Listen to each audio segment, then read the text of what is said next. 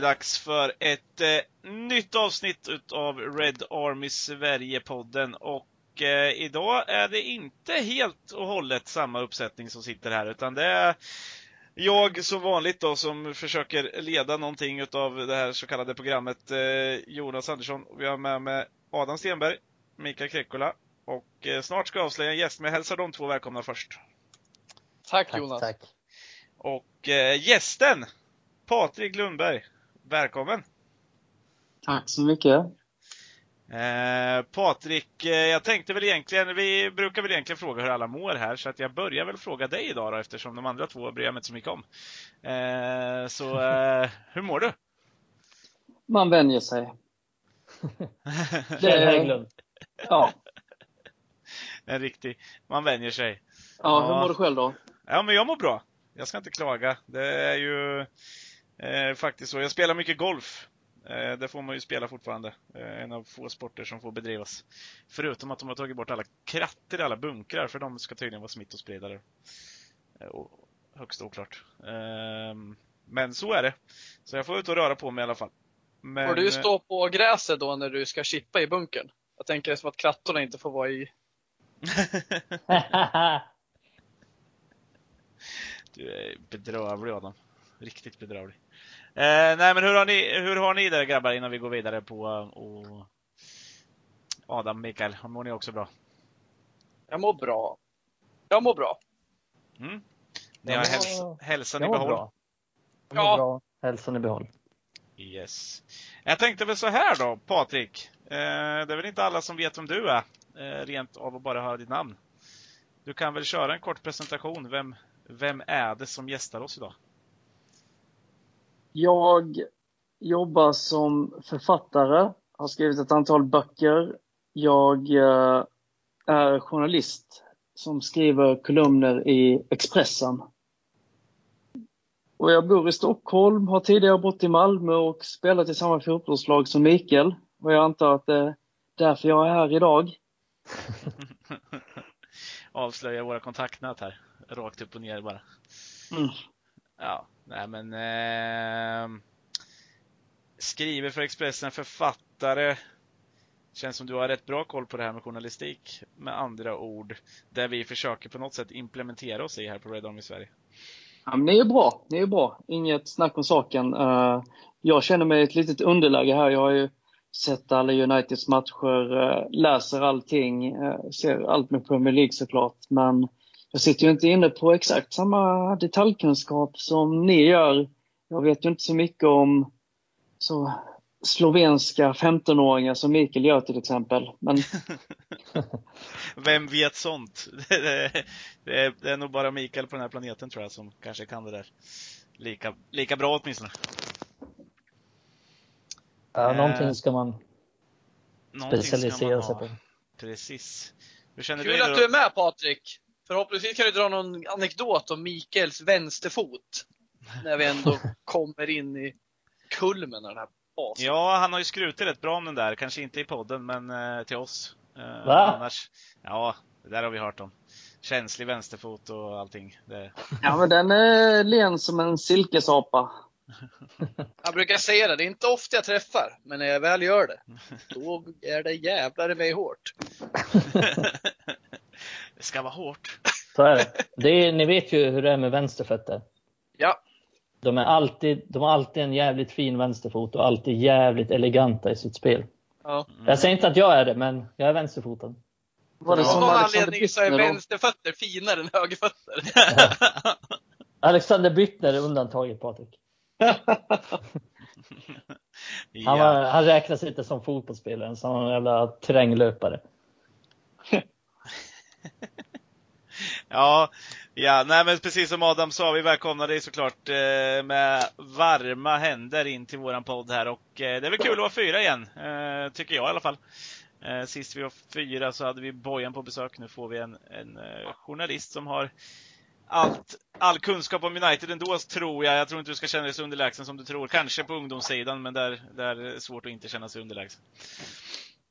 Eh, vi, eh, ja, vi drar väl igång som förra gången. Jag tänker att eh, någon river sitt hem. Antar att det är Mikael. Det brukar klinga hemma hos honom. Eh, Men att vi drar igång eh, vårat quiz. Ja, just det. Eh, Patrik har väl fått en föraning om att det här skulle komma. Får du se, får bevisa dina kunskaper i mina alltjämt konstigare och konstigare quiz, måste jag säga. Eh, Ja, det var ju tufft att ta Patrice Evras andra namn senast. Det, men jag Jajamän. gillar ambitionsnivån. Fan, Precis. minnet är dåligt Jonas. Det har gått en vecka nu. Hur står det egentligen? Hur var det? Vem ledde? Hur var det? Eh, Minnet är dåligt.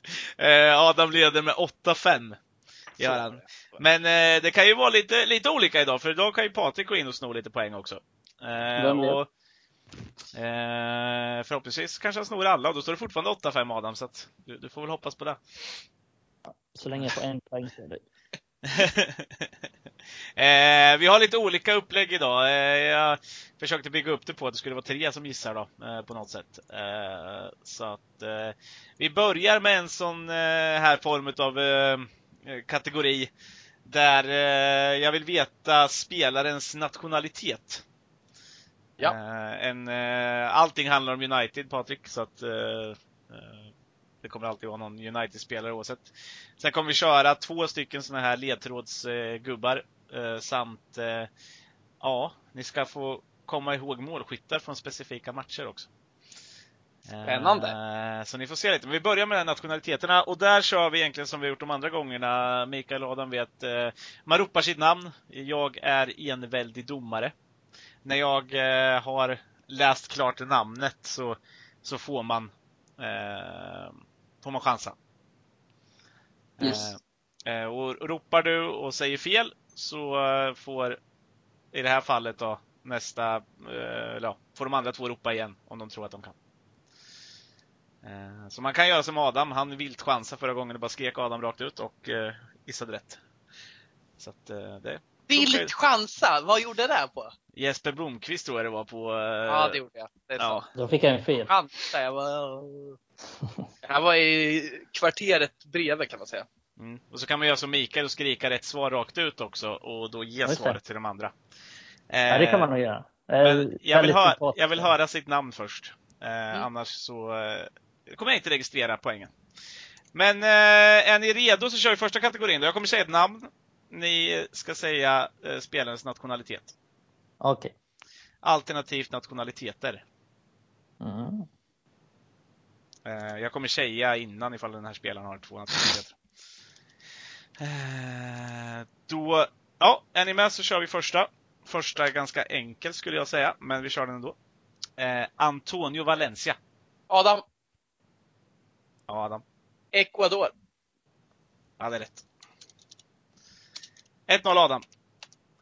Kör vi nästa. En, eh, en elegant fotbollsspelare skulle jag säga. Erik Jemba Jemba. Mikael. Japp. Kamerun. Det stämmer. Han kunde ju inte den Adam. Jo, men jag ville välkomna Jo, de andra deltagarna. Ja, vi välkomnar dem in i spelet. Patrik då? Är du med på frågorna? Ja, vänta bara. Ja. här kommer den svåra, tror jag. Eh, det, de här två spelarna som kommer nu har eh, två nationaliteter. Eh, men har valt att spela för ett utav dem då, men eh, ändå två nationaliteter. Eh, vi börjar med Tahit Chong. Adam. Mm? Eh, Holland och Surinam. Nej. Fuck! Alla holländare är ju från Surinam. Inte Chong. Inte han i medaljongen. Det är fantastiskt många fina spelare som har härstammar från Surinam. Någon av er som har en chansning? Alltså, ah, jag vet att han är från något suspekt jävla UI. Ja, nej jag kan inte det. Patrik då? Vad Kan det vara, kan det vara Belize? Nej. Eh, ja, Mikael är väl inne på rätt spår. Det är en, eh, ja, jag tror det här är väl, Koloniserad av eh, ja Holland. precis. Eh, vi- fan för mig Jag vet inte vad den heter. Cent- Centralamerika, någonting sånt där, någon av de där öarna. Eh, eller om det här är Afrika. Ah, skitsamma, det är lite svårt att lokalisera landet just nu. Men det är Holland och Curacao. Eh, Kommer den ifrån. Eller antar... så, det är Centralamerika. Mm, det är Där är Centralamerika. Coco Martina från, om ni vet. Just. Högerbacken i Everton. Mm, den där ehm, som... ehm, han kommer från... Han gick till Sunderland sen med... Moyes tog dit honom va?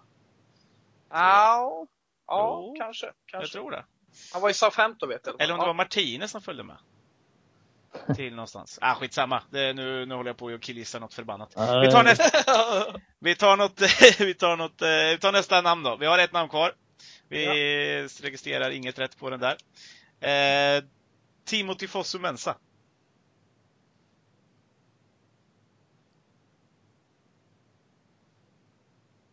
Har också två nationaliteter.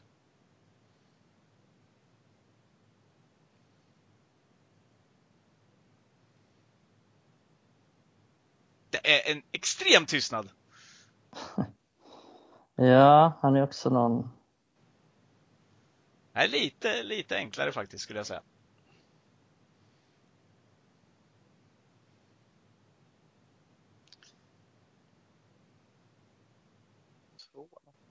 Och jag kan säga, jag har inte räknat med att han skulle ha fått något engelskt pass eller någonting sådär, för det säkert, har han säkert också.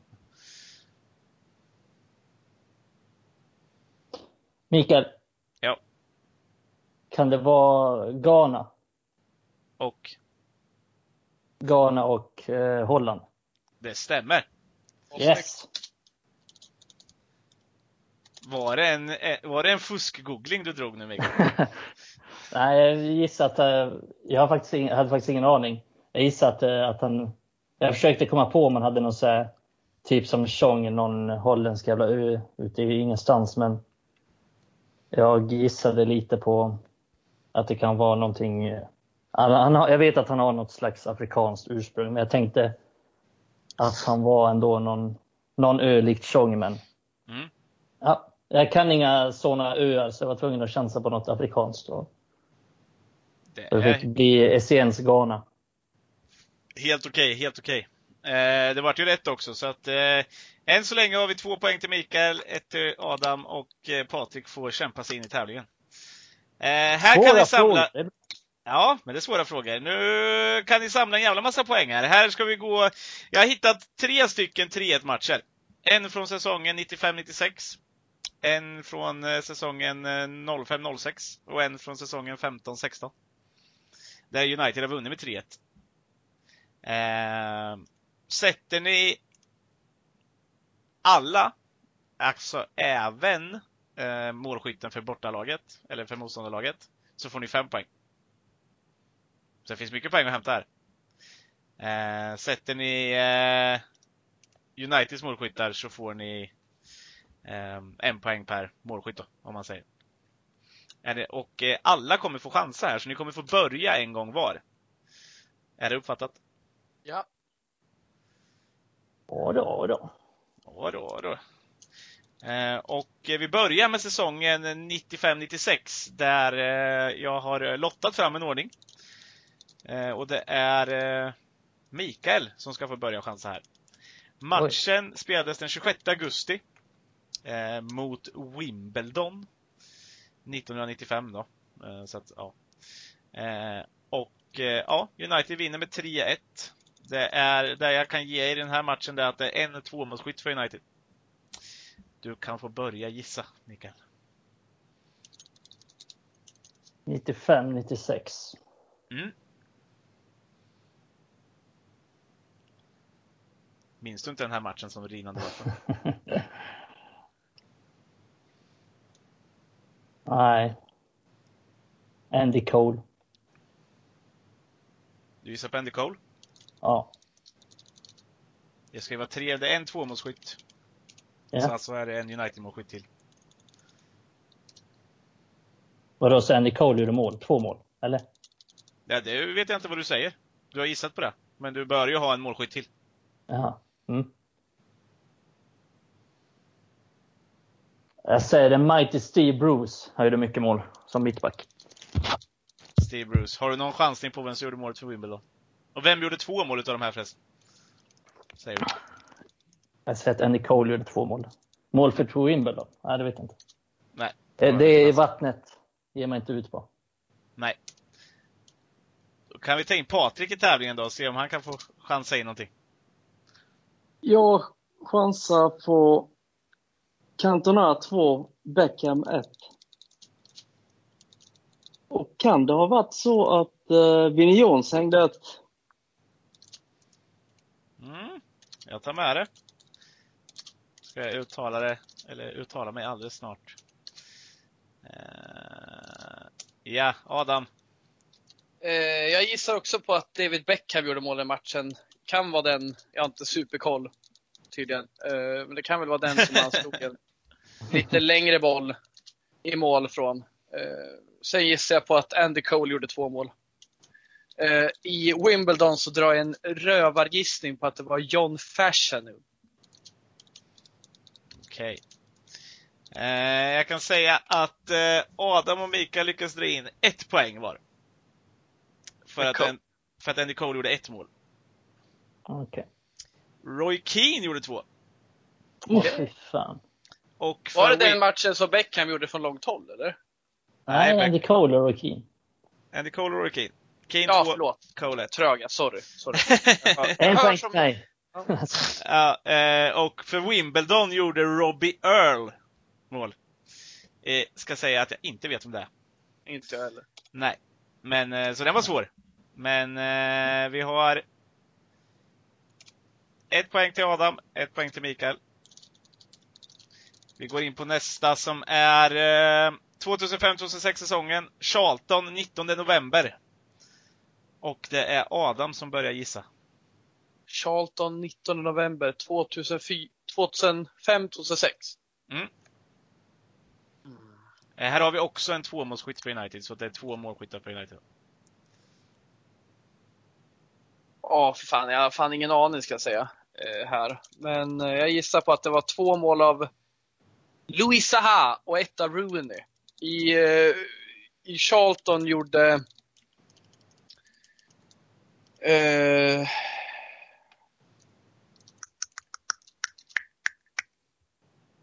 Charlton gjorde Herman Reidarsson mål. Mm. Men, då blir det Michael som är tvåa då. Okej. Okay. Charlton 05-06 sa du? Mm. Fan vad svårt. är det... Van Nistelrooy gjorde ett jävligt snyggt mål mot Charlton. Kan ha varit den säsongen. Så jag säger Van Nistelrooy gjorde mål. Mm. Och sen säger jag att Rooney gjorde mål. Mm. Vem av dem gjorde två? Alltid Rut van Nistelrooy. Mm. Har du någon chansning på Charlton? Scott Parker. Ja, och Patrik. Sist men inte minst. Jag skulle gissa på van Nistelrooy 2 och Cristiano 1. Mm. Har du någon Charlton-lirare att dra upp i fickan? Ja, ja, ja. Vilka känner man till? För har inte till och med Mattias Svensson lirat där, höll jag på att säga. Men var inte Marcus Bent i Charlton då? Ja, fy fan vilken lirare. Jag säger det. Marcus Bent. Ja, bra chansning. Mm, det är ingen jättedålig chansning. Eh, Hoppas det var Scott Parker. Dock har ni helt fel på Charlton-spelaren. Ja, det har vi säkert. Det var Jason Ewell, eller hur? Nej, Darren Ambrose. Darren Ambrose. Mm, han var tydligen där. United då? Eh, United kan jag säga att eh, Mikael och eh, Patrik drar in två poäng var. Så välkommen in i spelet Patrik. Van Nistelrooy gjorde två. Var det då han gjorde det snygga målet? Eh, ja, jag tror, det, det jag tror att du menar. Mm. Så eh, ja. ja. Eh, Zaha gjorde inget mål. Rooney gjorde inget mål. Ronaldo gjorde inget mål. Utan Alan Smith. Åh, oh, fy fan. Ah. Gjorde mål. Ja, ah, just det. Eh, jag har fått inget minne av den matchen. Och då har jag ändå lite öga för Charlton. Jag tycker om dem. Mm, jag tänkte ändå att det här, det där var nog en fråga för dig. Vi kör sista matchen också då. Ehm, då är det Patrik som börjar på Bournemouth. 17 maj. 2016 då blir det, men det är fortfarande säsongen 15-16. Eh, 3-1 till United. Där har vi tre olika målskyttar för United. Åh, oh, herregud. Kan det vara Martial, Rooney och kan det vara Depay? Mm. Chanser bra. Ja, jag tror det. Mm. Bournemouth då? Jag var där på den tiden. Ja. Uh, Ska jag vara snäll och säga att det är inte Bournemouth som har gjort mål? Så har ni, lite, Ja, ja, lättare att chansa. Det är lätt att sålla ja, men då, då, då, det, då måste det vara Phil Jones. Eh, Då måste det vara Phil. ja, då har vi chansning från, eh, från eh, Patrik och då blir det Adam tvåa då. Jag säger... Um, fan om jag tar rätt nu. Uh, sa du något datum eller? 17 maj 2016.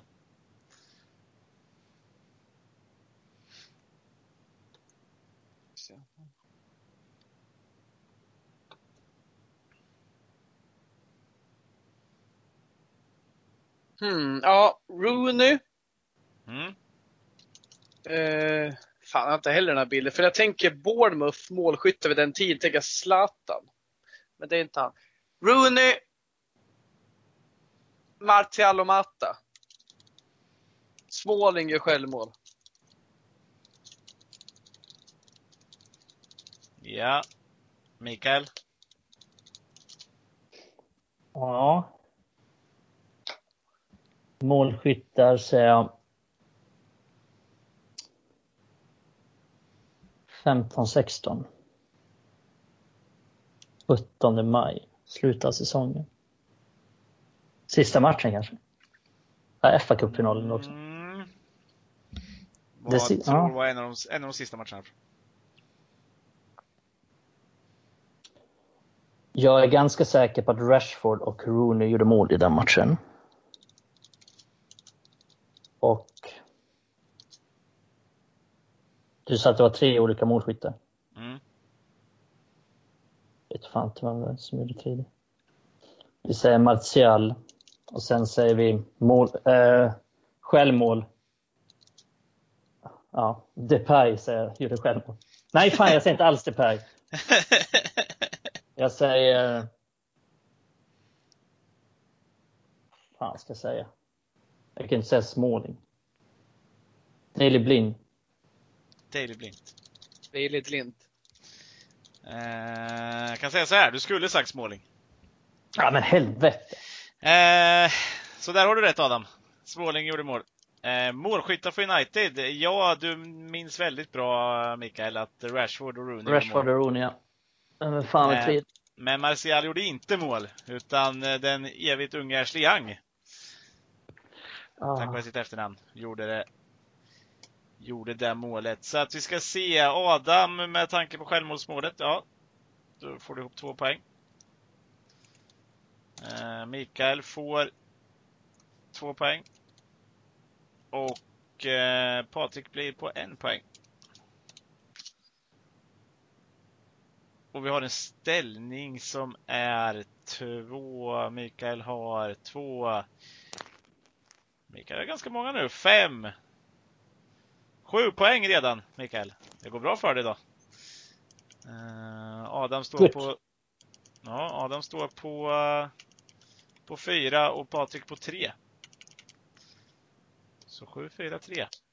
När vi flyttar vidare.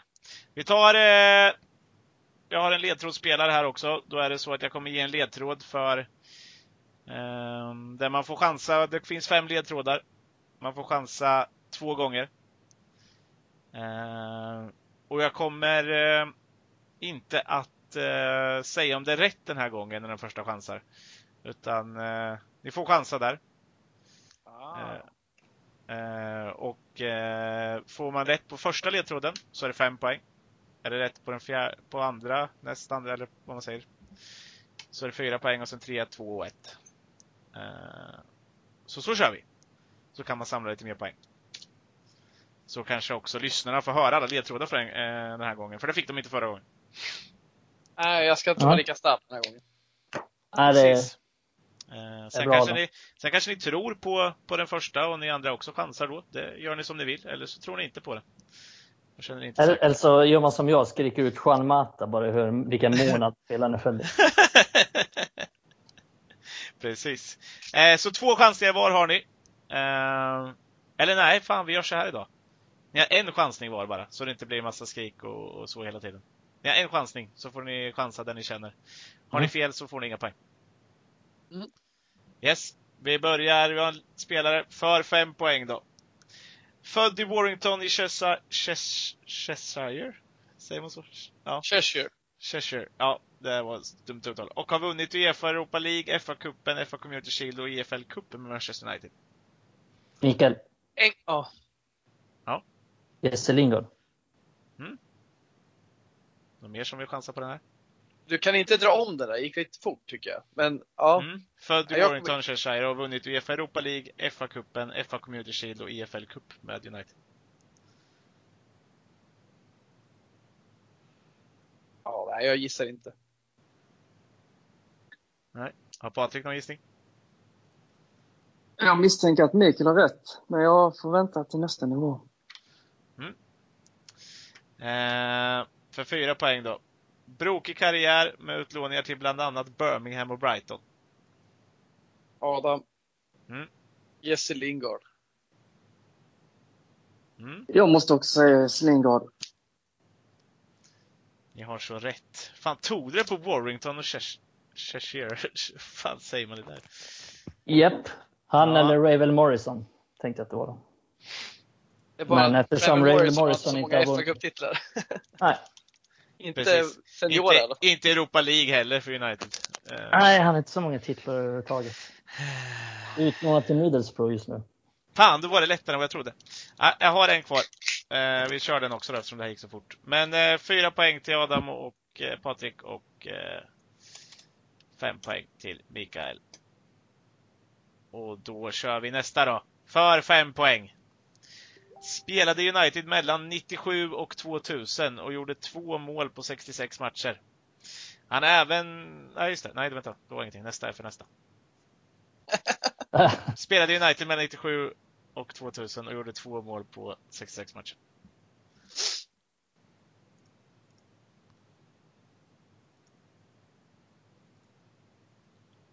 Ni kan säga nej om ni inte vill chansa. Nej. Det känns inte som att det är någon som vill chansa. Ska vi gå in på fyra poäng? Ja. Ja. Ja. Jag eh, var först att vinna Premier League eh, två gånger med två olika klubbar. Mikael. Mm. Henning Berg. Ja, visst fan är det där.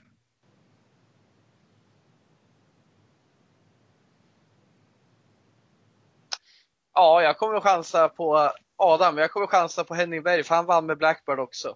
Jag måste säga att han vann med Blackbird bara för att det inte ska låta som jag härvar. ah, fan. Ja. Tack Mikael. ja. Jag kan inte komma på någon annan. Säger du också Henning Berg? Jag får göra det för det är han.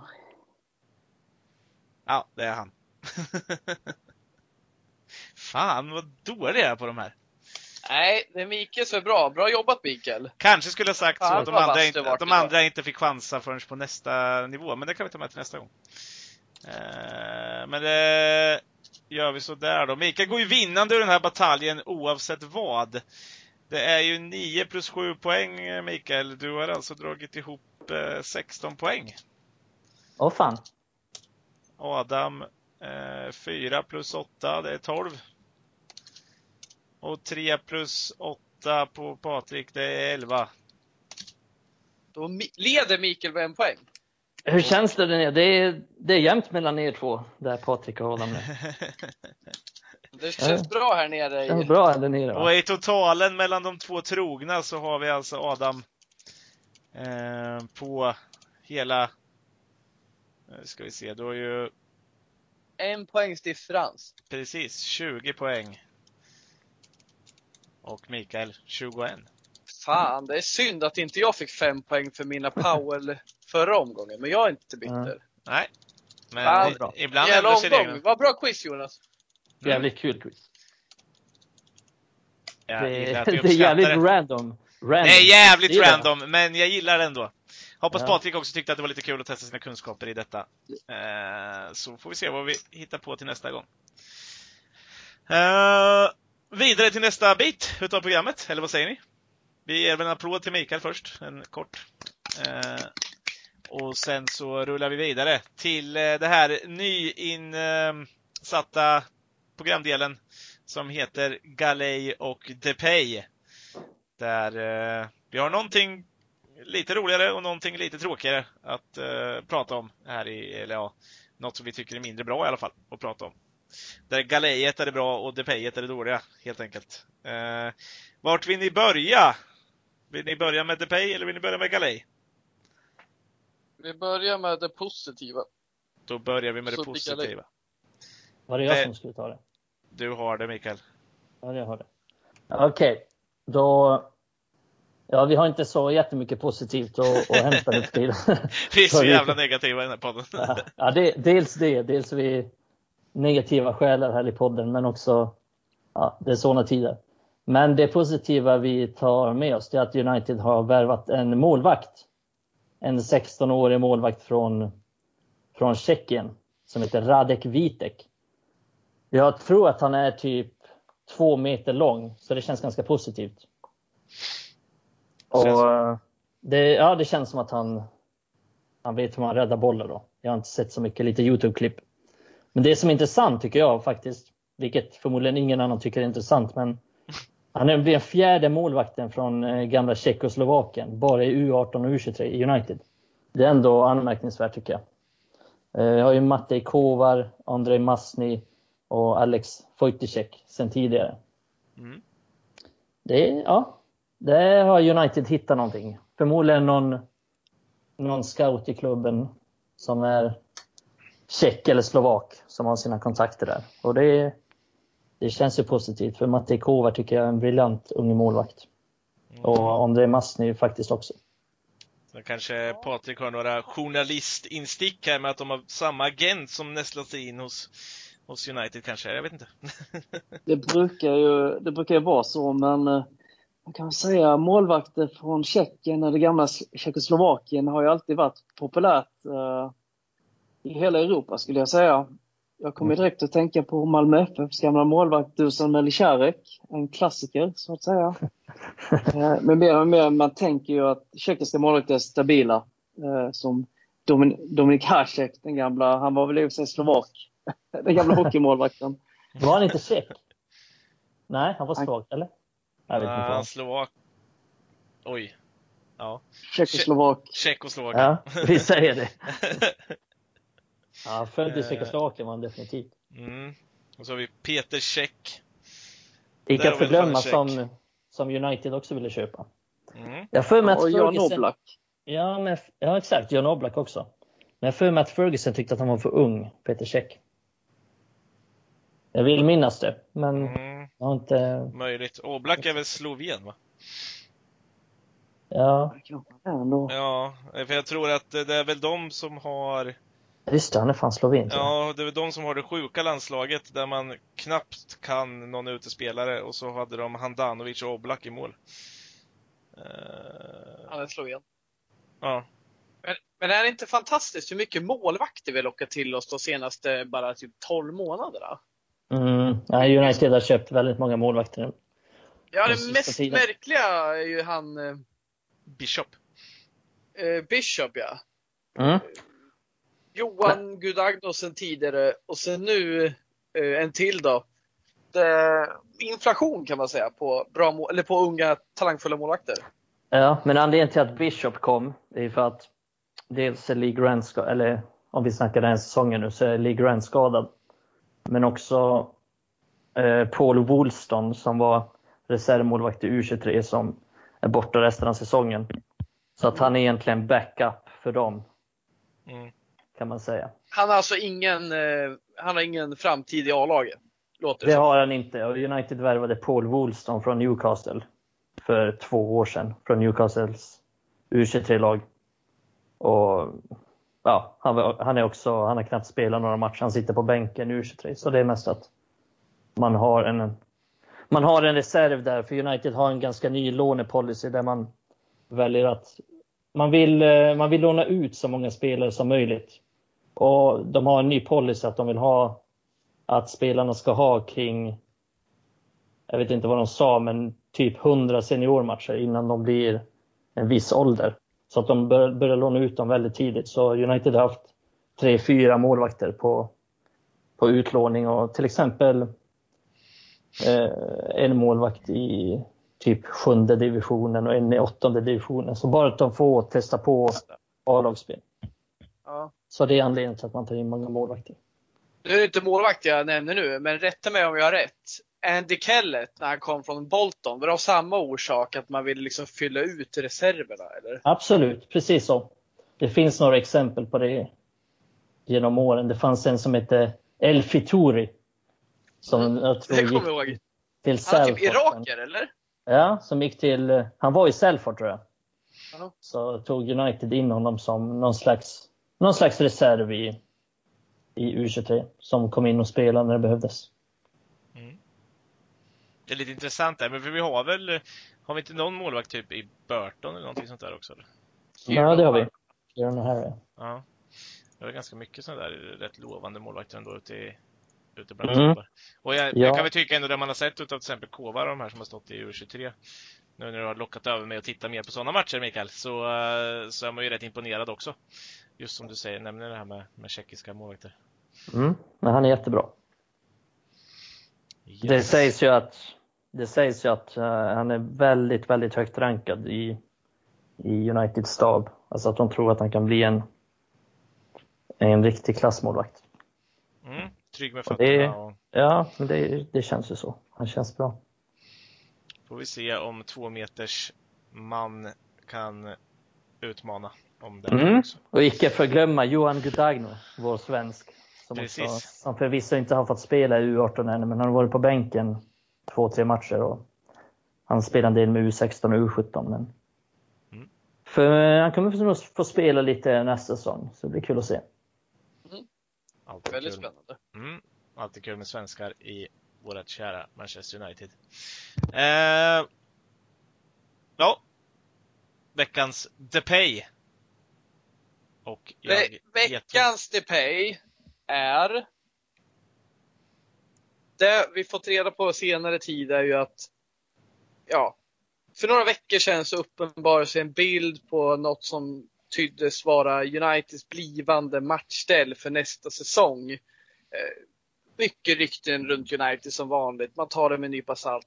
Men för andra gången, för några dagar sedan, kliver det fram en bild från Barcelonas hemsida där de har råkat lagt ut Uniteds kommande ställ eh, på Pogba i en grafik bredvid Messi med Barcelonas kommande ställ. Eller om det är nuvarande ställ. Och det liksom börjar jävla mig närma sig att fan, ja, vi kommer ha pissigaste jävla ställe vi haft någonsin. Vi har skojat i årtionden om Norwich ställ från början på 90-talet, mitten på 90-talet. Det här är fan med värre.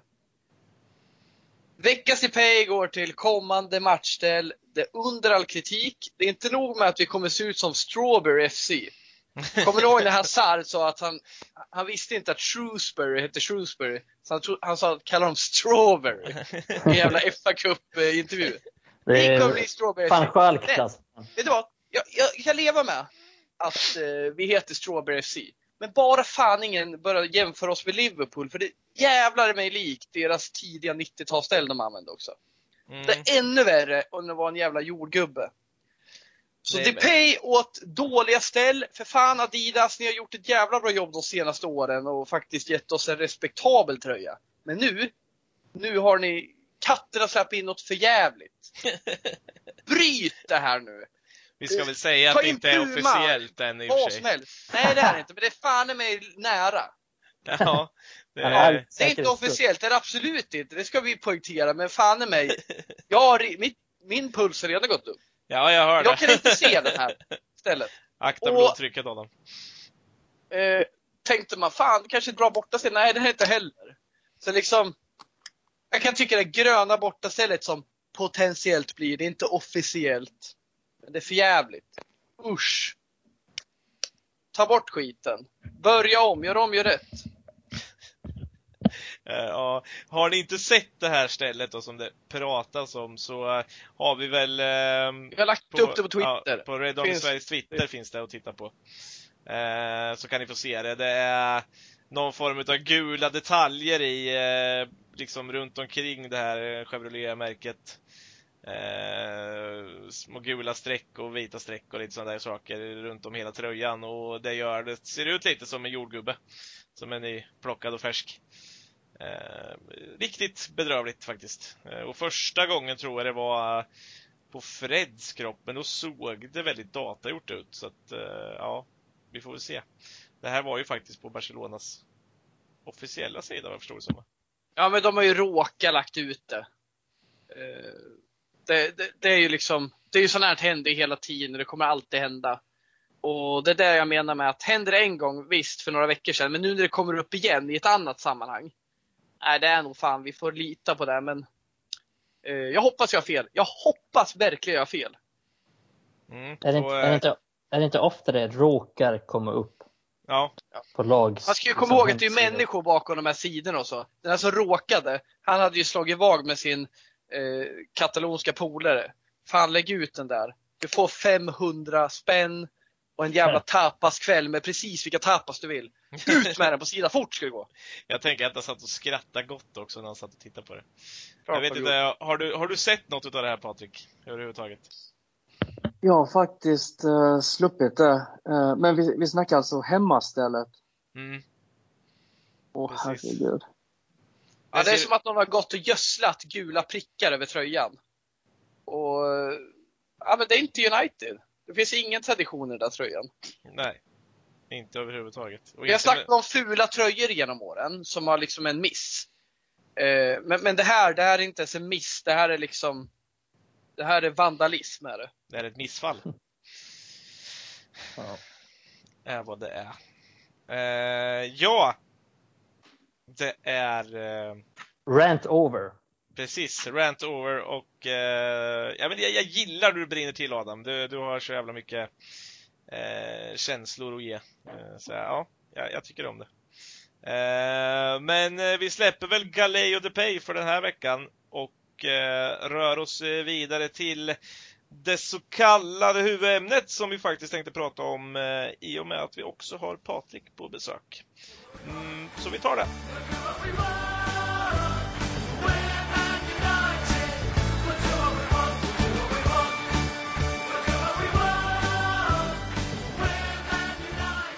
Mm. Och eh, huvudämnet för denna podd. Ja, vi, vi har ju Patrik här. En eh, kille som jag tror har rätt bra koll på det här. Vad jag har hört lite tissetassel om så kan du rätt mycket om Sydkorea. Ja, jag råkar ju vara korean också. Mm. Det var inte riktigt så jag tänkte på, nu lät jag otroligt rasistisk här.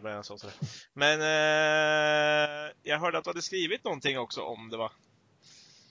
Ja, exakt. Eh, Det handlar lite om eh, den eh, sydkoreanska kulturen som också influerar fotbollen väldigt mycket på ett liksom, destruktivt sätt.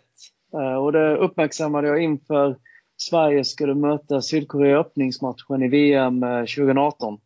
Eh, mm.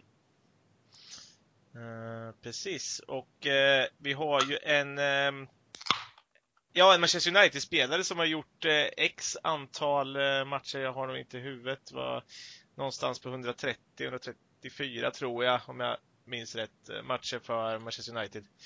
Eh, Jisung Park. Jag tror nästan alla födda, eh, ja i alla fall innan, två, innan 2000 vet vem Jisung Park är.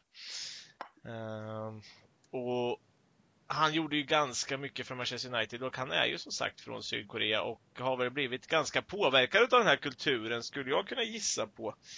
Men vad, ja, vi kan börja med dig Patrik, vad känner du när jag säger namnet Jisung Park?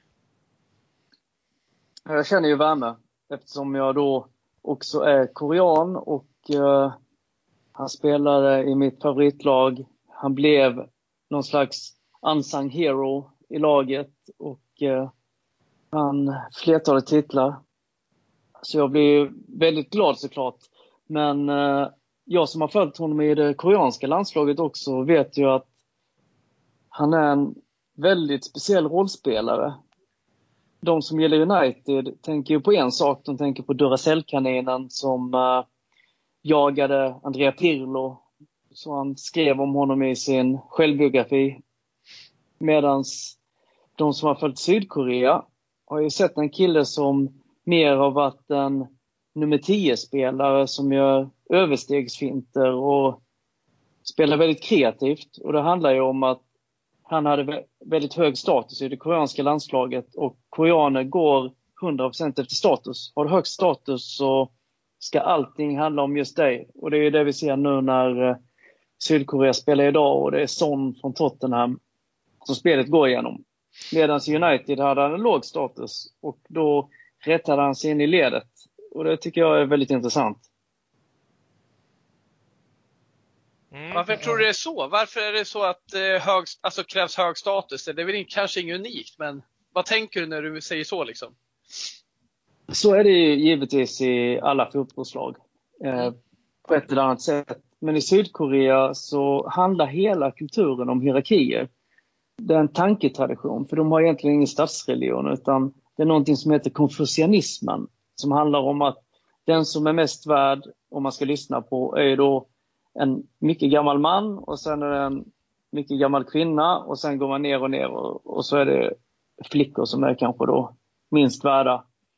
Och i ett fotbollslag blir det ju då så att den som är äldst är den som bestämmer på plan och som alla bollar ska gå via. Och det var ju ett problem då förut i den sydkoreanska landslagsfotbollen eftersom den bästa var kanske inte den äldsta. Mm. Och tränarna tog bara ut de äldsta spelarna i landslaget och de fram till uh, VM 2002 så hade man ju inte vunnit en enda match någonsin.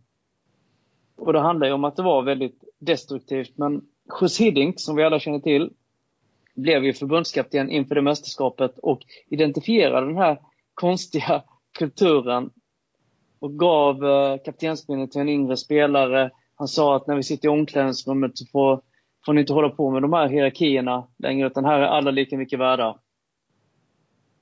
Och det var som att deras fantasier började flöda då en 20-21-årig park började helt plötsligt ta för sig och, och dominera. Och många andra lite yngre killar som till exempel Ion Pyo som senare spelade vänsterback i Tottenham efter Erik Edman och före Ekotor tror jag Eh, blir också en eh, kugge i, i det här landslaget som gick hela vägen till eh, semifinal i det mästerskapet. Och sen tog ju Hiddink både Lee och eh, Park till eh, PIS Eindhoven och sen så kan vi ju resten av historien kan man säga.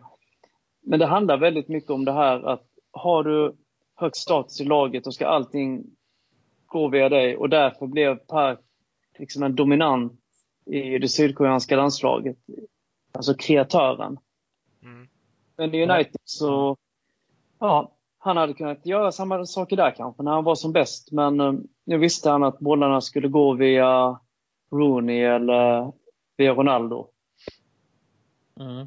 Det är intressant att det var just Ferguson som var det då. För hade det varit en annan tränare då kanske Park hade fått en större roll. För Ferguson var ju mycket så att du har din roll och du ska göra din roll och han var ganska tydlig på så sätt.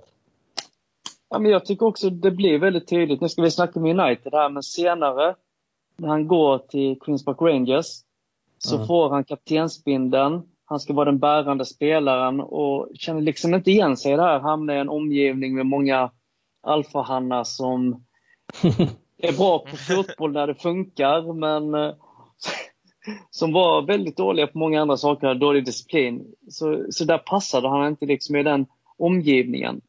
Mm. Medan i United så kunde han ja, spela många roller. Jag tror han spelade på alla positioner i anfallet och alla positioner i mittfältet i nästan alla formationer under Ferguson. Mm. Hur, en sak jag tänkte på, hur, hur köpte de det här under Gus Hiddink? Att han kom in med så nya riktlinjer. Och hur köpte alla spelare i truppen det? Det måste ju ändå varit några som bara, ja vad fan håller han på med den här? Ja, det var ju mycket kritik eftersom det gick dåligt i början. Men sedan så gjorde de en speciell grej, ungefär som USAs landslag gjorde förr i tiden. De hade ju US National Team som inte spelade några klubblag utan åkte runt på turné. Eh, och eh, José Hiddink fick med sig nästan hela sydkoreanska landslaget. Det fanns ju inte så många proffs då. På en nio månader, tror jag, lång eh, träningsturné. Eh, bara en massa läger och träningsmatcher för att spela ihop det här laget. Och sen började ju resultaten komma. Men det började gå massa rykten om Hiddink också, att han levde ett dåligt liv och att han var en dålig europé som eh, kommer kom och förstörde det koreanska landslaget. Och sen var det ju resultatet som talade då till hans fördel till slut. Mm. Mm. Ja, det kan man inte säga något Men... annat om än när man går till semifinal i ett, ett VM sådär helt plötsligt. Det var ju en, en skräll för alla. Men jag tänker också på ihop med, med Park och allting där och, och sådär. Är det, är det alltid så och så nu för tiden för sydkoreaner att det bli, det måste ju bli ganska olika. Nu har ju Son en ganska bärande roll i, i Tottenham också, även fast han inte är nummer ett där, tänker jag. Alltså om man jämför Park och Son just i det fallet. Eh, för han får ju köpa rätt mycket kanske och vara en andra fiol i Tottenham eh, om man typ jämför med eh, vad heter det, Harry Kane. Samma sak som Park, eh, mycket var andra fiol och, och rotationsspelare i United. Men det blir ju lite så med sån automatiskt eftersom han då kanske inte är lika stor stjärna som Kane. Men detta lös igenom, var det för två, tre säsonger sedan hade han blivit man of the match och skulle ta emot det priset av Harry Kane och bli intervjuad efter matchen. Och då sa Son att han är väldigt stolt över att spela med Harry Kane och han lär sig saker av honom hela tiden trots att Kane är ett år yngre. Mm. Och det låter ju jättelöjligt i våra öron. Mm. Men för honom var det en så enorm grej att säga det. Det finns en sån klassisk match mellan Man United och uh, Tottenham. Eller klassisk, kanske för mig. det var jättemånga år sedan. Då snor Park bollen från Tjo på vänsterbacken som dräller med den, såklart och Park spelar fram bollen till Rooney som gör mål. Och eh, Park firar målet då, han blir jätteglad. Men i sydkoreanska medier blir det ett jävla liv eftersom Park, som då var några, några år yngre än Lee, inte sprang bort till honom och bad om ursäkt för att han hade förnedrat honom. Oh. Är det hederssnack där liksom? Är det en... Ja, detta är ju verkligen hederskultur kan man säga. Men senare så visade det sig att någon hade smygtagit en bild på när Park ger Lee handen bakom ryggen och ber om ursäkt. För att han hade då... att han ändå var tvungen till att göra det. Liksom. Ja, för att annars hade inte han blivit respekterad i hemlandet. Och det är ganska många sådana grejer som håller tillbaka sydkoreanska spelare. Det har ju varit nu mycket med att Son var tvungen att spela Asian Games och vinna det för att slippa göra militärtjänsten. Och det är liksom mm. två år i, i Sydkorea. Men han var likväl nu tvungen att åka göra den här gröntjänsten på några månader. Så nu under coronautbrottet i världen så är ju Son i Sydkorea och gör den förberedande militärtjänsten. Så det är ju lite speciellt anledningen till att Park slapp göra detta. Han vann ju aldrig Asian Games trots att han försökte. Var ju att han var plattfotad. Han ansågs ju inte duglig då för militären. Visst, han kunde spela två Champions League-finaler, men eh, militärtjänsten kunde han inte göra med sina plattfötter. det är skillnad det.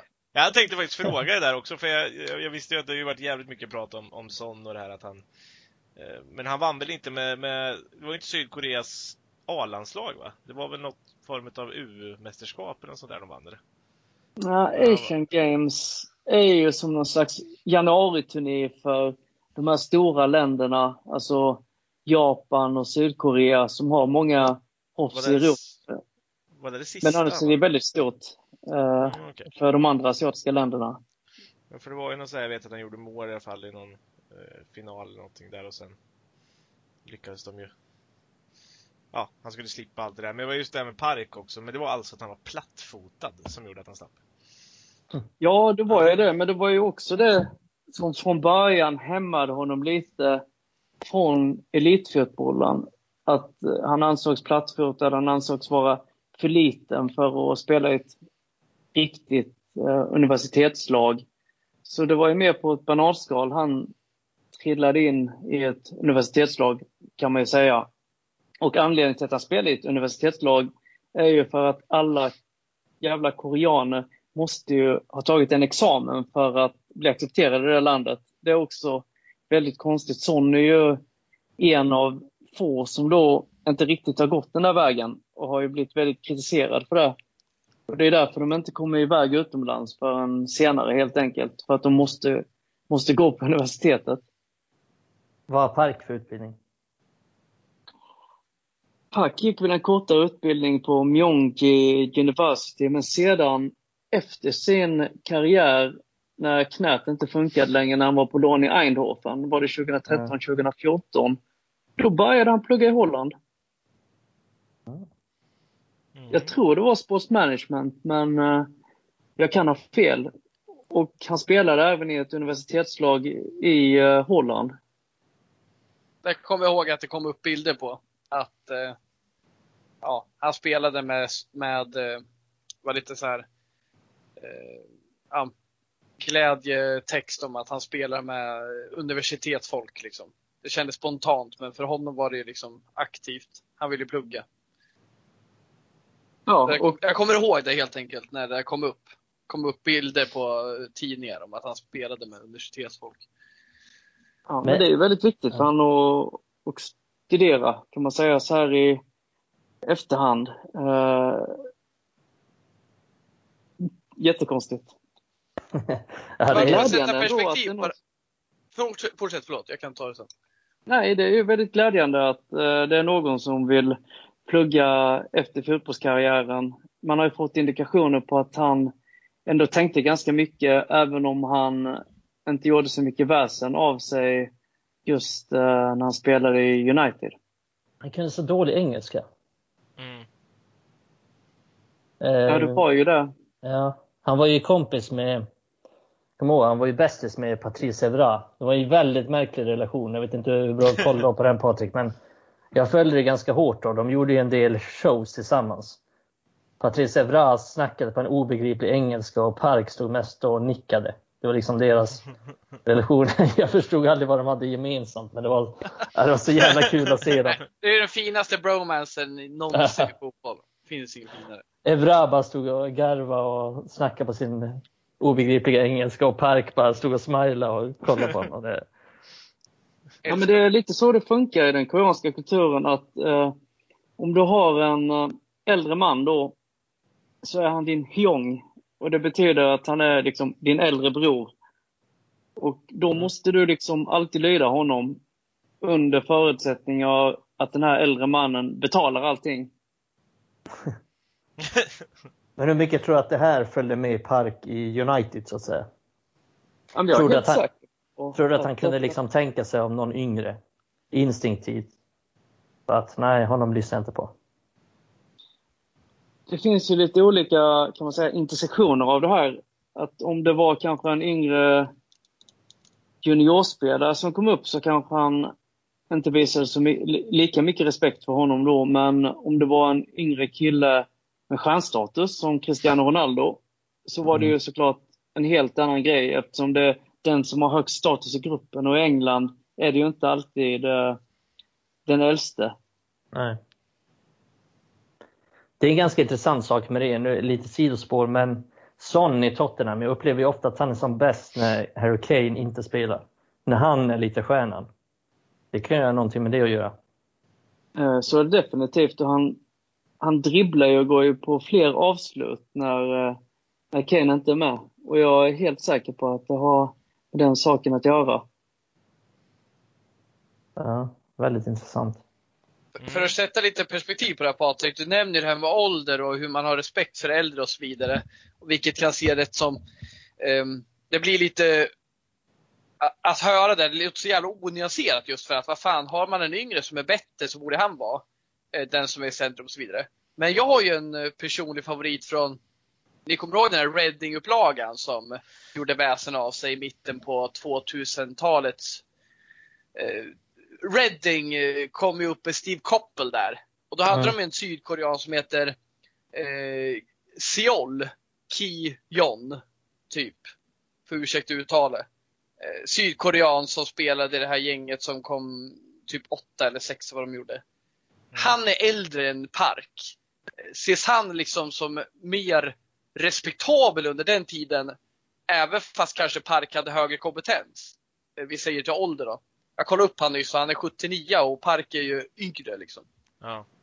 Såg man det på det här viset att, men vänta nu, Park kanske, han kanske viftar med armarna där men Seol, det var det äldsta i Premier League som vi bör titta på. Ja, det skulle jag faktiskt säga. Alltså, de två emellan. Men sen förändrades ju väldigt mycket när eh, Park blev den första sydkoreanen, eller första asiaten att vinna Champions League. Även om han inte spelade just i den finalen mot Chelsea. Mm. Så blev han ju liksom ohotad eh, superstjärna i hela Asien. Mm. Jag kommer ihåg när han sprang in där med sin gråa kostym. Han ja, och men det var Darren Fletcher. också. Det här var lite Ja. mörkt. Han och Darren Och- Fletcher och sprang in där. Tyvärr Ja. inte med på bänken. Gary Neville också tror jag. Ja, alla som, alla som liksom har lite koll på Ferguson också vet ju att han i efterhand har sagt att det var ett av av hans svåraste beslut att peta Park i, Mm. i den finalen. Mm. Han hade ju spelat honom i semifinalerna. Ja, och sen i ju finalen liksom- då, då, ja men det är fan tufft alltså. Det är Ja, ju- då är inte ens med på bänken liksom. Det är sjukt. Nej.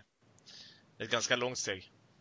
Ja. Ja, han var ju de stora matchernas man. Det är ju så vi minns honom, eh, vi som har sett många United-matcher.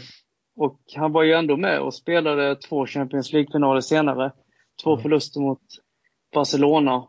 Och eh, gjorde avtryck i semifinalerna innan. Bland annat gjorde han väl ett mål mot Arsenal i ena semin, vill jag Mm. minnas. Mm. Har ju alltid mål mot Arsenal. Ja. Han gillade det. Och eh, gjorde ofta mål mot Chelsea också, tror jag. Ofta stora matcher. Det säger väl någonting. Jag kommer ihåg i 8-2 matchen tror jag att han kom in och gjorde mål. Med vänstern. Den kom också ja. Ja, bortre stolpen. Ja. Ja. fy fan vad fin han var alltså. Stora matchernas man och gubben i lådan liksom hoppar upp. Och jag tycker så här. Man ska ju aldrig vara sen med att belysa hur jävla viktig han var med sitt, som du nämnde, som en Duracell-kanin som sprang och gjorde nytta för laget. Men även att han hade en god teknik, avgjorde matcher, underordnade sig hela tiden. Fantastisk eh, personlighet fick man ju en bild av liksom. Mm. Och att, så här, jag kan se som att John O'Shea, han levde på sin tillgänglighet. Och där kan vi snacka om Parkmär kunde hoppa in och vara nyttig, men han hade en teknik som ändå gjorde att han passade in med de här superlirarna som Berbatov, som Ronaldo, som Rooney, som gick i djupled. Han, han var en smart lirare och liksom, jag tror att, eh, jag tror att han inte hade varit lika eh, lätt att ersätta eh, talangmässigt som O'Shea. O'Shea är en av mina favoriter, älskar honom. Han var tillgänglig och bra med Park. Man underskattar ändå vilken fin teknik och vilket bollsinne han hade. Jävligt bra i att driva fram bollen och hitta ytor. Eh, väldigt mycket av de målen han har gjort liksom och de assisterna, då är det han som driver fram. Det är inte så att han bara ploppar upp i straffområdet, som vissa kan antyda. Precis som vissa kunde antyda att Beckham, han gjorde ju bara frisparksmål. Eh, Det är ju inte de mest nyanserade som säger så, men ni, ni känner säkert igen det. Det är lätt Mm. att hitta ett fack åt honom. Ja, men han, han jobbar mycket. Men, men, där, eh, ja, men det är en av anledningarna till att han är en av de mest underskattade vi haft. mm, och det är, jag tänker det måste vara helt underbart för Ferguson att ha en sån spelare. Ja. Mm. Som alltid, eh, alltid kommer in och är stabil, men också kan bidra med, med mål, assist och framförallt länkspel som jag tyckte han var bra på. Som du säger Adam, eh, driva upp bollen, spela vidare. Han har alltid liksom Duracell-kaninen har alltid fart under fötterna, under sina jävla plattfötter. Har han fart så han kommer upp och kan driva upp tempot. Och det är, det är ändå viktigt. Det ger mycket. Det är, det är jobbigt att möta sådana spelare som hela tiden får bollen, driver upp tempot, hela tiden är på en i hälarna, alltid driver upp så att säga. Det är, det är en mardröm. Så att, ja, men om man jämför sådär också, park. Och kunna vara en sån här offensiv spelare och ändå ha den där tekniken och där, men ändå kunna erbjuda det jobbet också och lägga ner det även defensivt. Det är inte många spelare, framförallt inte i dagens fotboll, som har den kvaliteten offensivt som också lägger det arbetet defensivt. Eh, Nej, och det, och egentligen om vi ser de lag som har varit bäst de senaste åren så är det de tränarna som har kunnat få ut det av sina spelare. Mm. Att få dem att jobba över hela banan. Till exempel om man tänker på Pep Guardiolas Barcelona så är det ju visst, de var jävligt tekniska och bollskickliga som Ferguson skrev i sin bok att fick Xavi och Iniesta bollen då gav de aldrig bort den igen. Men de var ju också otroligt bra på att vinna tillbaka. Alltså direkt de tappade den, då jobbade de ju stenhårt för att vinna tillbaka den. De sprang ju mest varenda match. Mm. Och lite samma är väl Liverpool också under Klopp, att de, de jobbar hårdast. Och det är väl liksom ingen slump att det är sådana lag som är, som är bäst. Och när Park var i United. Delvis. Delvis därför också. Mm. Var det Park som fick dig att börja heja på United, Patrik? Jag är lite äldre än så. Det var väl egentligen Class of 92 faktiskt. Framförallt eh, Ryan Giggs när han kom fram. Jag tyckte det var något helt otroligt. Eh, precis som vi alla tyckte såklart. Det var då jag verkligen fastnade. Ungefär när Premier League startade. Mm. Mm. Ja, det, det var ändå, jag var inte med på den tiden riktigt, men det måste ändå varit... Det är så jävla älskvärt när en klubb får upp så många egna spelare och så tar de liksom ligan med storm. Kaxigt. Det finns inget finare. Jag drömmer om det just nu. Mason Greenwood och Rashford och... Fan vad jag vill se det. Ja, men det, man är ju lite inne i det där nu. Eh, om man jämför sådär. Vi, det, har, har, vi någon liksom i Uniteds trupp nu som man skulle kunna likna efter Park? Liksom? Alltså i det han erbjöd till United då. Jag tänker ju Jesse Lingard i sina bästa stunder. Nu blev väl halshuggen av våra lyssnare, men alltså i, när Jesse Lingard var som bäst, då tyckte han var lite Park. För att han, eh, han sprang väldigt mycket. Han erbjöd en samma slags länkroll där han kunde göra både mål och assist men också jobba hårt mellan mittfält och anfall så att säga. Mm. Utan att vara kanske den mest spektakulära men ändå ha den, en bra teknik. Jag är så... beredd att hålla med om det. Eh, jag känner att eh, Park hade säkert funkat jättebra under Mourinho. Han är ju mm. en Lingard-typ på sätt och vis, men också en Oscar som var i, var i Chelsea. Som är tvåvägs men ändå gör en hel del eh, poäng. Mm. Det är ändå noterbart för eh, Mourinho skeppade iväg Mata och satsade på Oscar. Även fast Mata kanske var den större stjärnan och kanske gjorde lite fler mål och så. Mm. Det är sant. Jag tänker ju också att eh, i och för sig kanske inte i alla segment, men Daniel James just i tvåvägsarbetet skulle ju kunna mm. efterslikna lite och, och, lite av han kanske egentligen är mer utav en rotationsspelare i en, i en Manchester United-trupp. Uh, ja, mm. alltså, det finns väl ändå lite likheter kan, alltså, kan jag tycka just det här med Duracell och man är jobbig, man är på och man springer. Uh, sådär. Det, är, det är ju ingen rolig spelare att möta honom där heller. Nej, det är väl bara det. James behöver ju få upp den här rörligheten i straffområdet också. Mm. Park, han opererade ju med så många korslöpningar hela tiden och det, det, ser, det ser man ju, han och Rooney hade ett jävla samspel faktiskt just eftersom båda de var rör, rörliga liksom både åt båda sidor och djupet. Mm. Ja men det är sant. Alltså jag känner det här som jag saknar med mycket av spelarna idag som vi säger nu att Park slog, i, slog den i djupet mot Rooney som avslutade. Nio av tio bollar sätter han. Men Park han utgår ju från att han kan missa och är där på en andra boll om det är så. Det var väldigt Mm. många gånger, jag sa det gubben i lådan, man kommer upp och liksom tar en retur. Han är där, han är med. Det där känner jag med Lingard kanske liksom inte är tillräckligt smart. Samma med James. Och det är det där man fan saknar. Man saknar sådana spelare som kanske Ling- springer fem ja. meter till för att det, det kan behövas. Mm. Hade Ling- Lingard varit född i Sydkorea kanske? Fått lite Ja. mer disciplin. Fast då hade han ju aldrig, Lite mindre sociala medier, lite mer disciplin. ja, men då hade han ju aldrig fått, eh, han är ju den evigt unga, den som kommer ha sin testimonial samtidigt som han får sitt genombrott som Adam någon gång crackte. Eh, ja, men han nu- hade nu aldrig det fått någon tapp- respekt. Ja, men nu har det tappat sitt fokus. Där. När alla skämtar om att han är ung, då kan han inte vara ung längre. Det är inget skämt längre. är det ett faktum Fan. då? Nej, vi måste släppa det. Och Vadå, vi har ju knappt nämnt Pereira de två sista poddarna så vi får väl ändå vara glada för det. Oh, jag sa det en bra stund här. Ja, ja.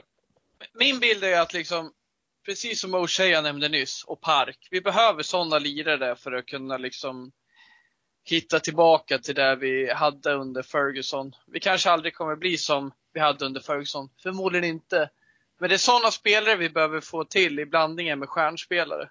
Mm. Vi börjar bygga ett gäng stjärnor som vi tror på och som vi vill satsa på. Men det gäller också att fylla ut med de här. Och där tycker jag att akademin har stort ansvar.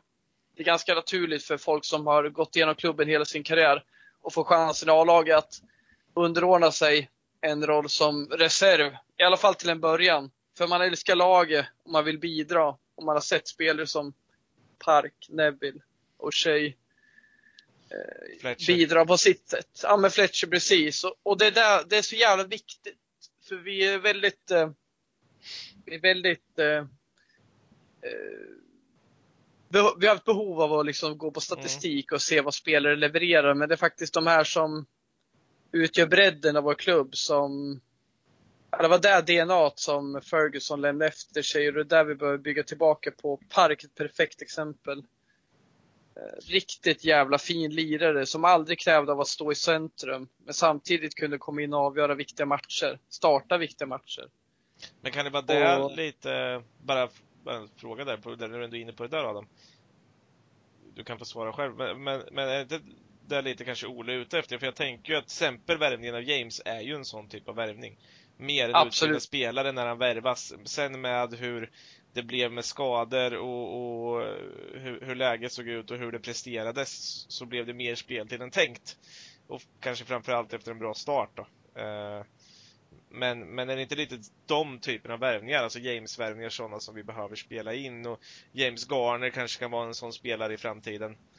Eh, Absolut, absolut tror jag det. Jag tror att eh, James Garner kommer aldrig komma in i A-laget om inte han har den inställningen att han kan tänka sig bli en del av laget liksom. Mm, de här spelarna jag nämnde nyss. Och jag känner lite så här att om AVB blir petad om ett eller två år så tror jag han har liksom ödmjukheten, mentala inställningen till att förstå att okej, kan jag tänka mig att spela 25 matcher på en säsong för att ändå vara en del av ett vinnande koncept så kan jag göra det. mm, Och det kanske inte hade hänt om han hade värvat André Santos från Arsenal när det begav sig. Och så vidare. Det är liksom, det är lite skillnad och, och jag tror det handlar om vad man hittar för personligheter. mm, När man testar deras mentala förmågor och därför är jag nöjd med Maguire, Wan-Bissaka och eh, Dan James. För där har vi tre killar som är ödmjuka, eh, talangfulla och eh, ja, absolut potential att bli den här, ingår i det här Ferguson-DNA jag nyss berörde. Jag Ja, måste lägga till en sak här. Jag vill ändå lägga ett ganska tungt ansvar på Solskär i det här. För det handlar inte bara om värvningar tycker jag, utan grejen med Ferguson var ju att han kunde hitta rätt dag när Park var den bästa. Han kunde hitta Anderson en dag, kunde Anderson vara bäst på plan, trots att han var ganska begränsad. Och varje gång han tog ut en spelare kunde han förklara för dem varför de var världens viktigaste kille just idag. mm. Och få dem att prestera vid rätt tillfälle. Jag, jag vet inte om uh, Solskjaer har lyckats med det när han har låtit Gomes spela eller Chong spela. Att han har sett att de, de har haft sin dag, utan har det varit genomtänkt? Vad vet, vad vet jag? Intressant att nämna Gomes till vänster mot AZ Alkmaar. Han kunde lika gärna suttit på bänken, om jag ska vara ärlig. Peta Mata, för att säga att Mata var ju offensiv mittfältare i den matchen. Peta Mata och Gomes mitten eller ingenting alls. Det blir lite eh, halvhjärtat, så jag håller med dig. Det, han har ju verkligen en utmaning där och han har inte kanske den finger, eller han har inte den fingertoppskänslan. Han behöver liksom eh, använda sina verktyg på rätt sätt. Och har börjat bli bättre, men det krävs ju mer för att han ska liksom bevisa att han känner alla spelare helt och hållet. Vi har ju snackat om det flera gånger under säsongen, om man använder spelarna på rätt sätt eller inte. Och det Kan tycker det- vi inte. Kan det inte vara lite så också att han måste, alltså laget i sig måste hitta något visst flyt? Det, det, det är ju lite så här, vi kan ju inte någonsin tro att kanske Solskjaer är den tränaren som Sir Alex Ferguson var. Vi pratar kanske ändå om världens bästa tränare genom tiderna. Eller en, eh, åtminstone en utav dem, men det är väl, ja, ja i alla fall. Eh, och, och att han då ska gå in och ha samma fingertoppskänsla, nej det kanske man inte ska ha. Och han tar inte över ett lag som som mår speciellt bra, även om inte Ferguson gjorde det från början heller, men under tiden Park var där så mådde ju ändå Manchester United bra, till exempel. Och, och, och när Andersson var där så mådde ju Manchester United bra. Spelet var bra, vi var ju inte nere i botten liksom. Och det, det var vi väl kanske egentligen nu när Ole har kommit in. Eh, och då, då finns det lite mer press också på att det, det är svårare att kanske få in de här unga, även om, om det var det han, han pratade om och det var det han gick ut med och, och lovade. Eh, så, så tror jag det kan ta en stund och det är väl någonting eh, jag tror man får acceptera också. Men det är klart det kommer ta tid. Och det är klart att Ferguson och han inte går att jämföra med varandra. Men det är intressant att nämna och beröra att Ja, Solskjaer har haft verkligen svårt att eh, använda sitt material på rätt sätt. Vi har ju Mm. sett det flera gånger under den här säsongen. Det har ju inte funnits någon anledning att starta och- Pereira. Nej, Pereira till höger, till mitten, till vänster, uppe och nere, ut och in. Han har fan kört han på varje position. Det är ju inte först nu han har, har eh, slutat med det och det krävdes ju en värvning av Bruno för att han skulle börja bänka honom. Det är ganska intressant att eh, ta upp det i jämförelse med Ferguson. För att är det någon tränare någonsin som haft den fingertoppskänslan som Ferguson hade? För han kunde ju starta typ så här, ja men det är Arsenal i FA-cupen. Men vi kör Gibson och O'Shea liksom på innermittfältet. Hur fan tänker han? Och så bara, ja. Och lägg till Rafael och Fabio på, på varsin kant på mittfältet. Alltså det här mittfältet. Fabio, O'Shea, Gibson, Rafael. Det blir överkört i the Championship. Kanske League One också. Alltså, det, är liksom, det går inte att förstå hur han kan få dem att prestera på det sättet som han fick. Det, är- det är en helt unik form av fingertoppskänsla tycker jag. För att jag har aldrig sett någon tränare ha någonting liknande. Vi kan Nej. säga att Pep Guardiola är ett geni, men han är inte särskilt bra med mediokert material. Så att, det- är verkligen anmärkningsvärt. Men tar men han har ju inte testats i den där mediokra. Det är det som är Nej. intressant. Ferguson Nej, har jo, inte det har han väl delvis. Det har han väl delvis. Alltså, han hade ju inte superbra lag under, eller han hade inte sitt lag när han tog över City så att säga. Så då kom de ju fyra, fem eller vad de kom. Men han har ju inte, han har inte självmant valt i en cupmatch att spela i ett sånt lag. Liksom. Nej, det skulle Han fick ju. Han, han fick ju inte Eliakim Mangala att spela in i mittfältare liksom.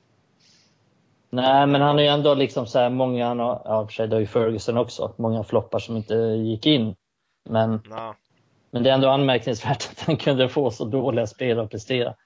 Och det är väl Solskjaer. Ja, det är det jag tycker är skillnaden. Att han ens tar de här dåliga spelarna och ger dem chans. Ja, för Solskjaer kan ju Eh, Pep ha... Guardiola, han, han Ja. har en mycket bra. Jag värvar han för 30 miljoner pund. Jag köper den för 60 miljoner pund så får jag en bra vänsterback. Det är där som är skillnaden på Ferguson och honom. Eh, och, och det är väl det. Likaväl som Ferguson gjort många dyra floppvärvningar så har han även tagit fram spelare som fan inte kostar någonting. Så det är också en, just på fingertoppskänslan när vi är inne på den avdelningen, då tycker jag att Pep Guardiola är liksom långt ut och cyklar. Ja, men det är han verkligen. Men om vi, om vi släpper Pep och går in på Solskjaer så har han ju han, som du nämner, till exempel det eviga spelandet av Pereira. Det är, ju, tycker jag, eller vi har snackat om det i podden, det är, liksom, det är helt obegripligt. Och det finns ju ingen möjlighet, vi, vi sa det till Bojan också, det finns ju ingen möjlighet att Solskjaer, Carrick, McKenna, Filen, så rutinerade, så kunniga fotbollsmänniskor inte ser det som vi ser. Utan, Men ingen har ju sett vad Pereira har sett Solskär göra. ja, vi snackade om det i podden tidigare. Pereira har ju gått in på Solskärs kontor så utan att knacka så att säga. Så vi vet ju aldrig vad han har sett hända där inne. Det kan Nej, vara det- så att McKenna och eller Carrick var med i rummet. Ja, Kan förklara varför McKenna är kvar också. Alternativ, alternativt Grant och filen. Grant och filen, ja. Mm. ja det, finns, det finns många teorier kring det där. Men Pereira har spelat. Ja, det har han. Det, det har, ja, han är ingen Jason Park om man säger så. Och vi är tillbaka i podden med Pereira-snack. Det, det, Ha, ah, vi kommer in på det. ja, det gör Pereira vi. Vi börjar med Park, slutar med Pereira på något sätt. båda börjar på P. Eh, nej men om vi ska vända tillbaka kanske ändå till... eh, Park hade startat varenda match i dagens United. Så bra var han, tycker jag. Han hade startat till höger. Och vi hade haft Martial till vänster, och, eh, eller Martial längst upp och Rashford till vänster. Mm, mycket Jag möjligt. är helt säker. Alltså så bra var han, men Jag det spelar ingen roll hur jävla bra man är när man har så bra spelare som han hade runt sig i United, mitten på 2000-slutet. Vi får inte glömma att han, eh, han var en stjärna egentligen i PSV. Som Patrik kan säkert rätta mig om jag har fel nu, men de slog Milan i semifinal i Champions League. Eh, jag- de- De förlorade väl på bortamål eller något sånt, men de slog Milan. Som var jävligt bra då. I, i Champions League, semifinalen och sen gick han till United säsongen efter. Ja, men det, det stämmer jättebra och eh, han blev ju korad till, vad var det, en av, han var väl en av eh, Uefas bästa spelare det året, Mm. tror jag. Så han kom ju inte från ingenstans, kan man inte säga. Nej, det var ju alltså, tänk Ajax nu i fjol. Det är ungefär som att United hade värvat någon därifrån. Så det är inte, om vi, om vi sätter det perspektivet så, så hade ju eh, på dagens Twitter folk skrikit om att vi ska värva den där Park. Ja, och jag blev lite ledsen som United-supporter eh, när han väl kom till United. Utan då började det snackas om att ah, nu ska vi sälja tröjor i Asien och så vidare. Mm. Och man var väl själv lite rädd att, att det var så. Men han över, överbevisade ju alla de här tvivlarna. Och det var ju roligt. Mm. Det här är intressant. Dong Fang Shu funkade inte, så nu testar vi Park. eh, och eh, det här måste ju ändå vara någon slags vändpunkt i det där, för det var ju ofta det snackades då, okej, Sun Jihai i City, ja, men han var ändå bra. Eh, Junichi Inamoto i Arsenal, ja men alltså, nej fan det gick inte, han gick till fulla. Men det här, det är ändå ett bevis på liksom, asiatisk fotboll funkar och det har bara blivit jävligt mycket bättre efter det. Och den har funkat, det är inte det jag säger, men i Premier League har den inte gett det utfall det kanske borde gjort. Och eh, det är ju jävla fint för det ska ju inte handla om något annat. Det ska liksom inte handla om marknadsföring enbart. Det är klart det är det också. Just att Park är fin jävla fotbollsspelare. Och vi har sett Mm. exempel på flera nu. Kagawa funkar inte jättebra, men han var faktiskt bra sin första säsong. Det är inte, Ja, han- jätte, jättefin spelare. Ja, Nu drar jag hela Asien här, men ni förstår min, eh, Ja, men om man tänker så här, liksom, vilka spelare Sydkorea haft. Ja, vilka spelare Sydkorea haft i Premier League jämfört med, med svenskar? Om vi snackar Sverige via Sydkorea som fotbollsland. Det är inte så att Sverige haft några, för sig Sverige haft några bra spelare i Premier League, men Det det är väldigt få, det är väldigt få svenska spelare i Premier League. Kollar vi idag så är det ju i princip, vi har ju i princip ingen svensk spelare ens. Alltså Så ett ju- tag hade vi fan med mer spelare i Southampton än vi har i hela ligan nu. Vilka har vi i ligan? Lindelöf. Ja, Lindelöf. Pontus Dahlberg. Ja, då, Ja, tredje målvakt till Watford. Så. Ja. Sen har vi ju Radde Pritsa. Nej, men, Magnus Hedman. längst ner bland eh, vörtlimpan från i julas. Ja, ett tag sedan var ju Sebastian Larsson där och gnällde omkring på planen. Ja. Vi ser nu. Jonas Olsson. Innan Ja, vi saknar svenskar i Premier League och vi måste Mm. komma igång med det igen. För vi har haft en jävla fin historia med bra fotbollsspelare. Absolut. Viktiga fotbollsspelare.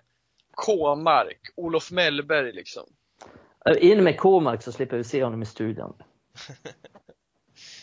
Nej, jag skojar bara Pontus. Jag vet att du lyssnar. Ja men det är fint. Ja. Hörni, ja, det börjar bli dags att eh, runda av, men eh, jag tänker ändå att eh, har vi några sista ord om Park här innan vi innan vi tar det steget så att säga. vi ger det ordet till Patrik tycker jag. Ja, tycker jag med. Ja, jag vill ju ändå ta upp det här att eh, om man pratar om Park så är han väl liksom raka motsatsen till vad Pereira är. Och det handlar väl lite om att Park hade ju sina begränsningar också, men han var mycket väl medveten om det. Han har självinsikt, det har inte Pereira. Ja, han gjorde det absolut bästa av det han kunde göra i det tempot han hamnade i, i eh, Premier League. Och det är ju absolut det Pereira inte gör. Så jag önskar att eh, ja, lite fler spelare med självinsikt, lite fler rollspelare, utpräglade rollspelare i United så kan det här nog bli fint. Så jävla word på det där. Just den här självinsikten, det är sånt som lägger grund för att du kan bli en bra eh, om inte den, kanske, du kanske inte blir den bästa, men en viktig truppspelare i ett eh, vinnande lag liksom. Ja, exakt. Det är inte så att eh, Park hade sprungit fram och knuffat bort Mason Greenwood när det är frispark eh, 20 meter från mål. Det tror inte jag i alla fall. Nej, det tror inte jag heller. Det är inte så att, ja, nu sista matchen vi såg, då kommer ju, fan gjorde Pereira Uniteds sista mål? Gjorde han? Mm, nej. Den säsongen? Jo, han, han kom in och sköt från, Eh, jo, det gjorde han. Du rullaren sköt som slaskmålvakten lyckades tappa in där. Ja, nej, men det är också någonting om självinsikt. Han kommer in och skjuter från 40 meter och det är inget bra skott. Så det är väl tur, nu har han väl hunnit landa efter det. Men vem vet, första matchen efter corona kommer han in och donar från 50 meter igen. Ja. Men han fick ju någon jävla rise där förra året när han eh, gjorde någon så här, han petade den några, någon decimeter åt höger och vek upp den i, i bortre klyk. Efter det så har han ju skjutit på allt. Mm, han gjorde ett snyggt mål mot SA-15 tror jag. Mm, då var det nog. Eh, men, men. Så är det. Hörde ni? Eh, Patrik framförallt, tack så jättemycket för att du ville gästa oss. Det var en ära. Eh, Jag vet att du håller på och skriver för fullt i din journalistik och ditt författarskap, så jag hoppas eh, och önskar dig all lycka till i den. Eh, Läs, läs Patriks böcker, det rekommenderas. Kul att du var med Patrik. Jag hoppas du vill vara med igen i framtiden. Mm.